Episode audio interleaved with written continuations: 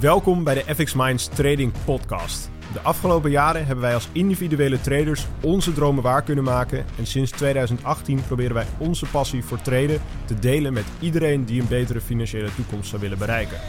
Tijdens deze podcast is het ons doel om jou zoveel mogelijk te inspireren, te motiveren en te ondersteunen in het behalen van jouw persoonlijke doelen met traden. Ja, we zitten er weer. Nieuwe podcast. Zeker. Ehm, Gezellig. Zijn we er klaar voor? Want vandaag hebben we echt een eh, ja, best, wel, eh, best wel dingetje te bespreken. Het is namelijk Oh. zo dat huidig, of momenteel eigenlijk, is het dat gewoon de markt gewoon heel erg hoog staat. Dat noemen we ook wel eigenlijk een all-time high. Dat is nu vooral op de aandelenmarkt te zien. We hebben natuurlijk een hele mooie, of ja mooie, we hebben een crash gehad natuurlijk eh, in maart. Volgens mij in maart 2019. Nee, 2020 was dat. 2020, ja, 2020 alweer. Toen is een flinke crash geweest. En eigenlijk in dit, deze podcast, of dit podcast, gaan we dus dat eigenlijk eh, behandelen. Vooral van hoe je daarop voorbereidt, toch? Precies. Dat is eigenlijk de doelstelling van deze webinar. Dat is het zeker. Dat is het wat, zeker. wat kunnen we daar eigenlijk, wat kunnen we vooral voor de kijkers eigenlijk vertellen? Van dat zij zich gewoon goed kunnen voorbereiden als het ware. Mocht er een crash komen, dat ze dan gewoon klaar zitten en denken van... hé, hey, ik heb toch die podcast geluisterd, ik weet wat ik moet doen. Misschien je daar de stekker eruit trekken of niet. Maar- het zou kunnen. Gewoon, als die crasht, gewoon alles verkopen en dan gewoon stoppen en dan... Ja. Alles gewoon Nooit meer gewoon- houden. Ja, precies. Dat- dat, is, dat is top. Zo, dat is- Ja, dat- alles zo zou jij dat doen, toch? Als je alles lekker als valuta houdt, dan... eh, Dan ja. komt het nee, maar wat, goed. wat zou je überhaupt eh, moeten... eh, even voor het gesprek, wat zou je überhaupt moeten verzekeren als het ware op het moment dat, een- dat je verwacht dat er een marktcrash aankomt? Of in ieder geval bij voorbaat al. Zeggen van, hé, hey, eh, hoe verzeker je jezelf daartegen? Hoe pas je op, weet je? Wat, wat voor maatregelen ga je doen? Maar wat is dan hetgene wat je verzekert als er een marktcrash komt? En wat houdt een Ja. marktcrash? Even, ja, ik neem maar even de, de houding van een leek aan. Wat houdt een markt, marktcrash überhaupt in? Ja, dat is misschien ook wel eerst belangrijk om eventjes te vertellen. Nee, ja, tenminste, hoe, hoe ik een marktcrash zie, eh, is eigenlijk gewoon een, dat, dat er iets gebeurt in de markt eh, of iets gebeurt in de economie, waardoor zeg maar de, bijvoorbeeld de aandelenmarkt, maar dat kan ook op andere markten, kan ook de cryptomarkt tegenwoordig, die is natuurlijk ook heel booming. Staat op dit moment ook volgens mij op nieuwe all-time highs. Ehm, maar dat er inderdaad plotseling gewoon een hele snelle daling in gaat zetten van, nou, wat zal het zijn, even meer dan 10%, laten we eventjes zeggen, in een korte periode of in misschien een wat langere periode, maakt in principe niet heel veel uit. Vaak wel meer Maar- zelfs nog dan 10%. Ja, precies, vaak wel meer, soms wel 20, 30, soms 50. Ja, bij crypto kan het helemaal gek. Dat hebben we nu ook gezien bij de ene coin, hoe heet het, eh, Squid eh, Game. Ja, precies. Dat Ja, maar, dat, ja, maar dat, dat, dat, Ja, zijn dat andere scam- omstandigheden. Dat zijn, dat zijn Ja. scamcoins natuurlijk. Ja. Dat is iets heel anders. Nee, maar inderdaad, een, een cryptomarkt zou heel makkelijk eh, binnen een jaar met, eh, met zo'n 70, 80 procent kunnen dalen in principe. Eh, dat hebben we in het verleden hebben we dat nu natuurlijk ook gezien. Ja. Dus ik denk dat je dat even moet voorstellen met, eh, met, met een, ja, een marktcrash. Ja. Ehm, en zo hebben we dus inderdaad in, eh, in maart 2020, eh, dat corona zeg maar net begon, eh, hebben we dat inderdaad ook gezien op de, op de, op de aandelenbeurzen. Met ook een crash van volgens mij rond de 30 à 40 procent, dat de markt in één keer eh, gedaald is. ja. Ehm, gelukkig is die ook heel snel weer eh recovered natuurlijk. Dus die Ja, nog heeft, beter eh, dan eerst eigenlijk. die eh, is daarna ook inderdaad weer als een raket gaan stijgen vanwege alle technologische ontwikkelingen natuurlijk. Eh, ja, gewoon in de wereld. Ja, plus het Maar- vertrouwen. Ik denk ook dat de, de laatste crash, zeg maar, qua corona, dat het gewoon een heel groot marktsentiment ding was. Dus dat mensen gewoon heel veel vertrouwen verloren in de economie. Ja. Zo van, hé, hey, eh, corona is er, alles gaat dicht. Ja, alles gaat Niemand gaat meer geld verdienen. De Iedereen moet thuis is gaan gevonden. werken of eh, wordt ontslagen, zeg maar. Dat iedereen een beetje als een kip zo is. Mijn, is mijn eh, gedachte erover. Dus ik, precies. Ja, een crash ontstaat vaak uit paniek, paniek op de dat markt. iedereen denkt van, oh shit, we gaan snel lekker ons geld op de bankrekening zetten, want dan is het veilig voordat de bedrijven failliet gaan, waar we nu Ja, aandelen nee, van hebben. En dan doet iemand, sommige mensen beginnen daarmee, die bieden de prijs telkens naar beneden, omdat ze telkens voor minder zeg maar, bereid zijn om hun aandelen te verkopen aan degene die dan aan de handkant Ja, zit. iedereen En dan- wil er gewoon vanaf. En dan zien mensen dat die prijs begint te dalen. En dan wordt een zeg maar, ingedouwde paniek wordt bevestigd door hun medemens die precies hetzelfde fout maakt. En dan voor je het weet knallen ze die hele markt. Daar kun je als investeerder dan weer heel leuk op inspelen. Want Ja, zeker. doordat zeg maar, die markt toen in volgens mij maart echt flink is gedaald, zie je eigenlijk ook. Ik heb volgens mij toen ook een video erover gemaakt destijds. Van ik zei, luister jongens, dit is aan de hand. Toen heb ik vervolgens eigenlijk een analyse gemaakt voor eigenlijk bijna alle aandelen die toen relevant waren. Nou, inderdaad zag je dat gewoon heel snel die correctie eraan kwam. En dat toen eigenlijk het heel snel weer hersteld is. Maar bij mij komt het eigenlijk vooral de vraag op... zijn wij nu erop vertrouwd dat eigenlijk de, de correctie... of tenminste dat het weer is hersteld als het ware... krijgen we dan niet een herhaling zeg maar, van 2007, 2008... Toen hebben we ook een flinke crash meegemaakt. Maar eigenlijk is er toen een beetje zand over gedaan. Van ja, jongens, eh, niet gezien en eh, we gaan gewoon door met de economie. Maar uiteindelijk blaas je een soort van bel op die een keer gaat ploffen als het ware, toch? Ja, nee, dat met 2008 had dat te maken met alle gekke huizenmarkten in Ja, Amerika. natuurlijk, met grote alle leningen. rare bondpakketten die ze maakten. Van bondpakketten met inbondpakketten, met derivaatpakketten. Ja, dat, dat ging één over die grote hele Eén grote brei van, eh, van- chaos van zeg maar, in de eh, huizenmarkt en vooral hypotheken. Waardeloze zooi. De hypothekenmarkt. hè. Dus ik denk, kijk, ik, laat ik het zo zeggen, kijk, eh, ik verwacht altijd wel dat er een potentie is tot een marktcrash, zeg maar. Maar ik zou nooit zeggen van, oh, ik verwacht nu dat de markt binnen x aantal jaar gaat crashen, omdat weten. het nu goed gaat, dus dan moet het een keer slecht gaan. Nee, het gaat gewoon, zo kijk ik ernaar tenminste. Het gaat op een gegeven moment wellicht een keer slecht als er gewoon weer echt een gigantisch fout wordt gemaakt. Ja, precies. En Economisch gezien. Maar Het dus- ding is, ja, de markt beweegt eigenlijk altijd in cycles.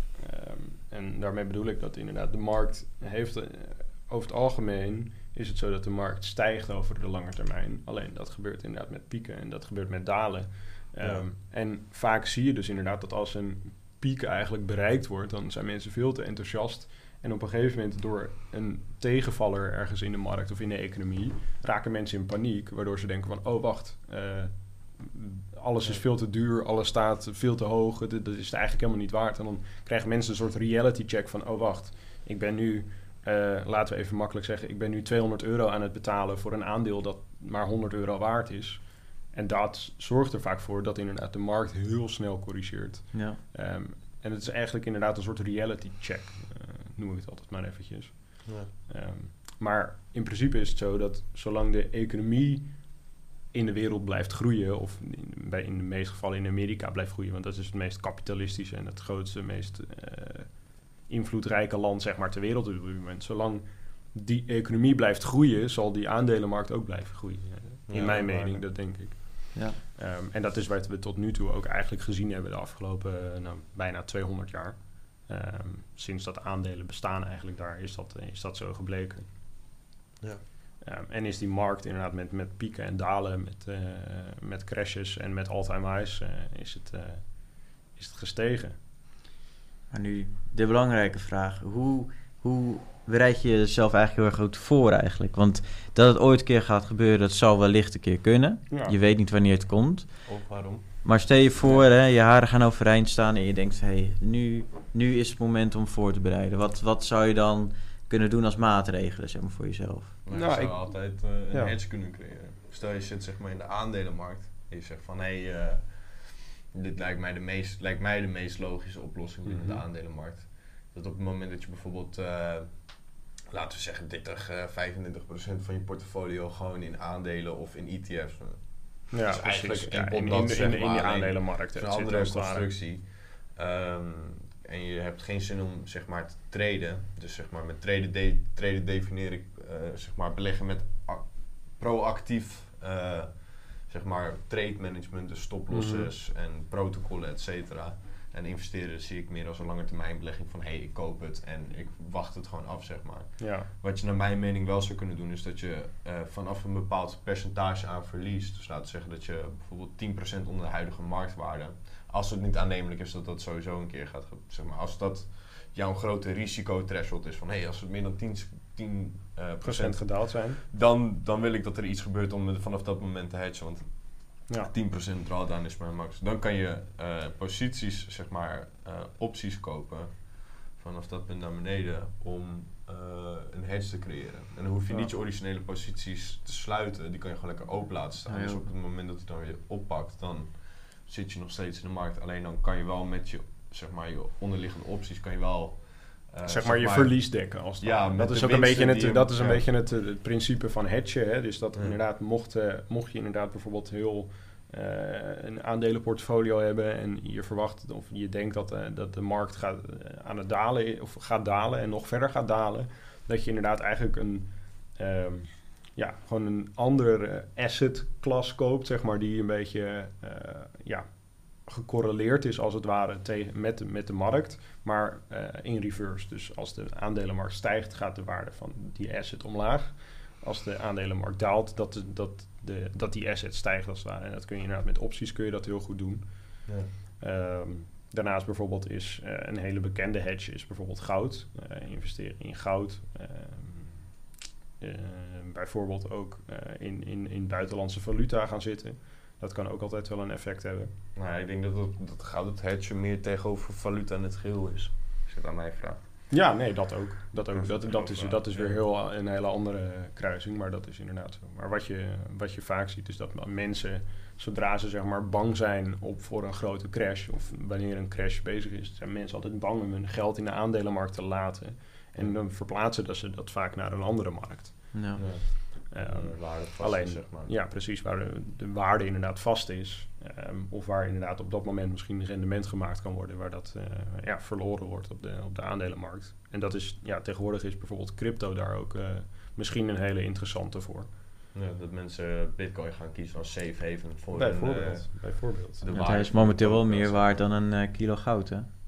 Kilo goud is volgens mij rond de 50.000 en eh 1 bitcoin is nu eh Ja, is, 61. eh, ja, ergens Dollar tussen dan? 60 en de 70.000 eh, dollar inderdaad op dit moment. ja. Maar ehm, even eh, om, om jezelf inderdaad nog beter voor te bereiden. Of wat, wat denk ik de eerste stap is van voorbereiden op een crash. Is gewoon begrijpen dat een crash eigenlijk altijd mogelijk is. Ehm, en het ook gewoon, eh, zeg maar, ja, niet aanzien komen, maar wel zeg maar verwachten dat dat gaat gebeuren. En ook een gewoon. protocol voor hebben om jezelf voorbereid te hebben. Dat ja, precies. Maar dit, je, moet, het, je, moet, je moet zeg maar niet voor een soort verrassing komen te staan van... oh, eh, de markt crasht, eh, wat moet ik doen? Paniek, verkopen, al mijn Ja. geld kwijt. Maar als je inderdaad gewoon van tevoren weet van... oké, ik weet dat het ooit gaat komen... maar ik weet nog niet wanneer... dan, ben je, dan kan je in ieder geval zeg maar al, al vooruitdenken van wat er gaat gebeuren. Ja. Ehm, Plus je zou ook eventueel als beginnende investeerder, kijk, laten we zeggen dat, eh stel je wilt met opties aan de haal gaan en eh, zeg maar best wel wat, er zijn best wel wat constructies voor het hedgen die toch wel redelijk complex kunnen worden uiteindelijk, want je hebt ook heel vaak zeg maar, alle Grieke factoren die je nodig moet gaan hebben om het te berekenen of het daadwerkelijk een beetje een eh, waardevolle hedge is, zeg maar, of het goed bij elkaar aansluit. Ja. Wat je natuurlijk ook als kan doen als beginnende investeerder, lijkt mij in ieder geval, is eh, de meest makkelijke manier om te gaan middelen. Dus dat je gewoon zeg maar in plaats van dat je al je kapitaal in één keer investeert in de markt, dat je ervoor kiest om gewoon eh, op basis van bijvoorbeeld je maandinkomen, een deel wat je daarvan wil gaan wegzetten, gewoon maandelijks in te kopen in een bepaald financieel product, zoals bijvoorbeeld een ETF. Want op het moment dat er dan een marktcrash komt, koop je automatisch dan uiteindelijk ja, dus een beetje de dollar cost average eh, Ja, methode. precies, zeg ja. maar ja, nee, dat, dat is sowieso heel verstandig inderdaad. Dat, daar ben ik het ook zeker mee eens. Dat dat, eh, dat, een dat dat een verstandige optie is. Want ja, kijk, je, je, je zorgt er dan inderdaad in principe altijd voor dat je de gemiddelde prijs van de markt koopt. Zowel als die hoog staat als dat die laag staat. Ehm, en ja, dat zorgt er dus inderdaad gewoon voor dat je, dat je oh, gewoon ja, wat, wat vlakkere eh, returns krijgt. Maar wel gewoon stabiliteit opbouwt zeg maar, in je portfolio. Ja. Dat is meer een beetje een 401k eh, approach, als je het Amerikaans op bekijkt. Meer Ja, ja bijvoorbeeld, bijvoorbeeld mensen die hun, eh, zo hun pensioen opbouwen. En ehm, ja, dat is gewoon, eh, de, in principe is dat een hele handige strategie, een hele goede strategie. En dat is ook, denk ik, wat heel veel meer ervaren beleggers die gewoon passief beleggen over de lange termijn, die dat doen. Ja, Ehm, klinkt logisch. En dan hou je natuurlijk nog het daadwerkelijke traden over. Kijk, ik moet Ja. eerlijk zeggen dat als ik algoritmisch trade, dat ik niet bang ben om met een positie eh, te blijven zitten op het moment dat er een marktcrash gaat. Dus dan weten mijn exit protocollen daar eigenlijk altijd wel op te reageren. ja, Tenzij als het echt zo heftig is dat de markt zo snel beweegt dat ik niet meer dat er geen orders meer zijn om mijn zeg maar sell orders te vullen op het moment Ja, dat ik mijn Ja. uh, long positie wil sluiten. zeg Ja, dat zou natuurlijk, al- ja, dat, dat zou in principe zou dat altijd wel kunnen gebeuren. Die kans is eh, ja, relatief heel klein. klein. Ehm, dus je moet gewoon zorgen dat je in dat soort gevallen niet een, gewoon niet een te groot risico neemt, of course. Ja, dat in je je gewoon een posities. beetje een eh, liquide markt blijft eh, bewegen. Ja, ten precies. opzichte van hoeveel je daadwerkelijk aan het traden bent. Precies. En wat ook een, een, een slimme strategie kan zijn, is. Kijk, je hebt natuurlijk een hele hoop eh, economische factoren waaraan je kunt zien dat de markt bijvoorbeeld overgewaardeerd is. Ja. Ehm, je hebt bijvoorbeeld heel, heel simpel eventjes het, het eh, PE-ratio. Ehm, ja, dat, dat, dat geeft gewoon de, de, de prijs ten opzichte van de ehm, earnings eh, aan van een, van een aandeel van een bedrijf. Maar dat kan je ook over de gehele markt kun je dat bekijken. Ja. Ehm, en als die bijvoorbeeld eh, aangeeft dat de markt overgewaardeerd is, kun je bijvoorbeeld ervoor kiezen om te zeggen van hé, hey, ehm, ik wil misschien juist even wat geld uit de markt halen of eventueel wat geld gaan opsparen voor wanneer er wel een crash gaande is of gebeurd is, dat je inderdaad op dat moment op de lagere prijs eh, in kunt gaan stappen, Ja. waardoor je inderdaad ook een beetje dat dollar cost average eh, gebeuren. gebeuren krijgt. Dat je in ieder geval niet de zoveelste gaat eh, proberen te zijn tijdens een overwaarderingssessie, zeg maar. Nee, precies, want Dat je dubbel de hoofdprijs gaat betalen. Nee, precies, precies. En kijk, eh, ja, het is altijd lastig natuurlijk om, om, om in te schatten wanneer, zo, wanneer een, een crash gebeurt. Dus ik denk niet dat het verstandig is om, om als je denkt van oh, de, de markt is overgewaardeerd om te gaan verkopen. Want ja, zoals we nu zien, ehm, de markt die blijft gewoon maar stijgen. Ondanks dat bijna iedereen, iedere degelijke belegger wel weet dat de markt over, overgewaardeerd is. Ja. Ehm, in de meeste economische basisprincipes dan zeg maar. Ja. Ehm, want ja, de markt kan altijd eh, gewoon als een, als een raket door blijven gaan. En dat heb je bijvoorbeeld ook in, vooral nu, een goed voorbeeld is de cryptomarkt. Ehm wat is Ja, het? Vier, vijf, ik- vier, vijf jaar geleden vond iedereen bitcoin op 1000 euro al overgewaardeerd. Ja. Ehm, ja, en- dat is ook en vervolgens wel- schiet hij door naar 20.000. En van- gaat hij van 20.000 weer terug naar 3000 ongeveer. Op zijn, Ja. op zijn, op zijn dieptepunt daarna. En ik zeg, ik vind overwaardering in de context van crypto vind ik ook een veel vager concept dan met aandelen. Ja, nee, klopt. Met, Het is heel, heel moeilijk te kwantificeren natuurlijk. met aandelen heb je inderdaad, kun je gewoon heel logisch zeggen van, hé, hey, ja, kun je gewoon zien wat een bedrijf verdient, wat, ja. wat, eh, wat voor er uitge... ja, om eh, bedrijfswaarde vast te stellen. Maar cryptocurrency is op zichzelf niet iets wat geld verdient. Het is alleen een praktische toepassing en vervanging van ja. iets wat al gedaan Ja, en er kan een bedrijf omheen gebouwd worden wat geld verdient. Ja, dat is nee. bij, sommigen, bij sommigen is dat zo. Het is niet bij allemaal, maar bij sommigen, sommige zijn gewoon bedrijven die gewoon een service, een, crypto service, ja, als het ware aanbieden. Ja. Eh, ja, en dat bedrijf verdient over gewoon vaak crypto geld. zelf, zeg maar. Meer oplossingen. Nee, precies. Ook voor betalingsverkeer bijvoorbeeld. Of dat ja, beveiligen natuurlijk. Ja, precies, precies. Dus je hebt dan niet een, zeg maar, ja, naar mijn denkwijze is er niet echt een beredenering die je kan toepassen om te zeggen van, hé, hey, dit is ondergewaardeerd of overgewaardeerd. Nee, zo nee, nee, met nee, daar ben ik het zeker mee eens. Wel zou je het kunnen vergelijken met goud in alle opzichten van waarom is goud nou... Waarom wordt goud überhaupt gekozen als zeg maar hetgene waarin we waarde op slaan? Want dat is ook een beetje een vertrouwensdingetje, zeg maar. Omdat goud schaars is. Kijk, goud heeft niet eens zo super... Ja, het heeft toepassingen. Maar goud heeft niet zo super veel toepassingen dat het in dat opzicht alles overdekt. Maar omdat het gewoon een, Eh, schaars goed is. een schaars goed is en wij zeg maar als massa gewoon ervoor kiezen van oh oké omdat het schaars is en het glimt of zo eh, kiezen Ja. wij het als de, Ja, het is, ja, het de, is, de eh, embodiment van waarde dus dan op het moment dat je veel goud hebt dan heb je veel, wa- veel waarde zeg maar dus dan ja, ben ik ook als dat, dat diamanten veel geld waard zijn. Dat ja het is heel gek ja het, Gewoon mooie glimmertjes toch? ja het is Ja. eigenlijk heel gek hoe dat allemaal werkt maar Het is eigenlijk een beetje een cultureel dingetje. Zeg maar. Ja sowieso Als je iets van goud en, kan zeg maar, geven aan iemand en zo dat geeft een is soort elitaire... heel raar. Hoe, als je beseft hoe subjectief e- economische dingen die voor heel normaal genomen worden, hoe, hoe raar dat eigenlijk nou is. Vaag om te beseffen, maar maakt ook niet uit. Maar kijk, je zou wel met eh, crypto kunnen zeggen van... Hey, ehm, stel je kijkt naar het internationale vermogen, hoeveelheid die opgeslagen zit in goud. Dus er zijn bepaalde statistieken die je daarover kan opvragen op bepaalde forums. En ik kijk bijvoorbeeld naar de totale waarde van de cryptocurrency markt, dus de market cap. Kijk, op het moment dat goud 20 keer zoveel eh, vermogen bezit als cryptocurrency, terwijl cryptocurrency volgens de checklist waaraan goud, waarvan, waardoor bepaald wordt dat goud de store of value is, zeg maar, dus dat het en schaars is en lang goed blijft en ja, misschien zelfs een beetje omdat het glimt, omdat we toch Ja. allemaal wel een beetje een goudvis blijven op oerniveau. Goudvis. ja. ja, sorry, ik vind Nee, maar ik dat- mensen eigenlijk mooi. altijd wel aan 1% goudvis blijven als het aan mij vanaf. Ja. Ze zijn allemaal op die glimmende dingetjes die ons aantrekken. Kijk, zo zou je het wel weer kunnen eh, vergelijken. Maar dat blijft veel subjectiever natuurlijk dan eh, zeg maar gewoon... hey, dit is een waarderingsmodel van een bedrijf... en ik zie gewoon dat er nu zoveel wordt betaald voor het aandeel... terwijl het bedrijf maar zoveel waard is volgens dit Ja. model... wat heel veel gebruikt wordt. Dus ja, gek is dat eigenlijk. Ja, en een laatste tip misschien nog voor, eh, om je voor te bereiden op een crash als het ware. Is door eh, gewoon je portfolio, als je dat hebt, eh, om die te Diversificeren.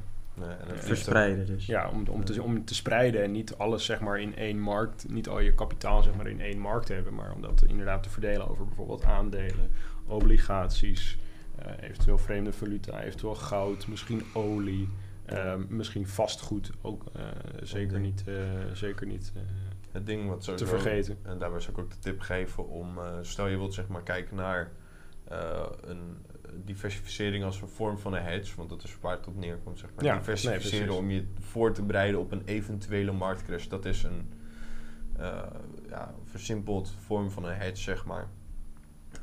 Ik zou dan wel ook adviseren om te kijken naar asymmetrische markten. Dus stel, Ja, ja, misschien een beetje een duur woord voor iemand die dat nog nooit gehoord heeft. Maar gewoon dat markten die tegenover elkaar liggen, zeg maar. Dus die, eh, bijvoorbeeld een markt die in een bepaalde con- economische context heel erg goed drijft en toeneemt in waarde. Omdat er gewoon veel meer behoefte is aan de, de eigenschappen die zoiets biedt. Ehm, ja waar gewoon heel veel contrast ja. zeg maar in zit. De- Ja, gewoon precies. markten die niet, niet, met, niet met elkaar te maken hebben, maar echt Ja. los van elkaar staan. zelfs het liefst nog een beetje tegenover elkaar staan. Kijk, op het moment dat je kijkt naar eh, valuta, en dan heb ik het nog niet eens over de dollar of de euro apart, nee, maar gewoon echt het hele concept van valuta op zichzelf. En je wilt dat gaan hedgen, dan kom je uit, eh, bijvoorbeeld uit op een store of value hedge. Dus richting de bitcoin goudkant. Van hey, het is schaars. Het blijft bestaan. Over 100 jaar is het er nog steeds. En over 100 jaar is er nog steeds zoveel geld. Dus dan moeten we dat weer gaan onder, eh, herwaarderen, zeg maar. Ehm, stel je bent dus in een bepaalde markt actief, dan zou ik ook adviseren van, om ook onderzoek te doen van hey, welke markt, wat voor type contexten zouden ervoor kunnen zorgen dat de markt waarin ik nu zit, zeg maar, gewoon echt een dikke hit kan nemen. En wat voor markten zijn er eventueel die in die context juist heel veel in waarde kunnen toenemen. En dan daar eh, je portfolio over diversificeren. Ja. Ja. Ja. Ik denk eh, dat dit een hele goede podcast was, zeg maar, over, eh, ja, ik denk het ook. over de... Ik denk dat het alweer, Mogelijke crisis. Dat het alweer mooi is geweest. Ja. Ja, Dan hebben we het nog niet eens over trade management gehad. dat is misschien voor de volgende. dat komt voor de Ja. volgende podcast. Dat vind ik een hele mooie. Dan wil ik jullie heel erg bedanken voor het kijken. En dan eh, gaan wij Tot de weer... volgende eh, podcast. ja, en eh ter ere van Niels, hij is momenteel niet bij, Ja. zoals je ziet. Dan wil ik toch nog even zeggen... Wat Tot zeggen we? ziens. Tot ziens. Tot ziens. Tot ziens. Ciao, ciao. Ja, het is... Bedankt voor het kijken of luisteren naar de FX Minds Trading Podcast. We hopen dat deze podcast jou heeft geïnspireerd, gemotiveerd en ondersteund bij het behalen van jouw persoonlijke doelen. Wil je meer te weten komen over trading en het handelen op de financiële markten? Abonneer je dan nu op ons YouTube-kanaal of volg de FX Minds Trading Podcast in jouw favoriete podcast-app. Om altijd op de hoogte te blijven van de nieuwe FX Minds podcasts. En zou je FX Minds graag willen helpen? Geef deze podcast dan een like of laat een review achter op Google of in jouw favoriete podcast-app. Zo zorgen we er samen voor dat meer mensen deze podcast ontdekken. En heb je interesse om Forex te leren traden? Neem dan een kijkje op fxminds.nl en meld je aan voor het lidmaatschap. Of download ons gratis e-book. En hopelijk zien we je weer bij de volgende Trading Podcast.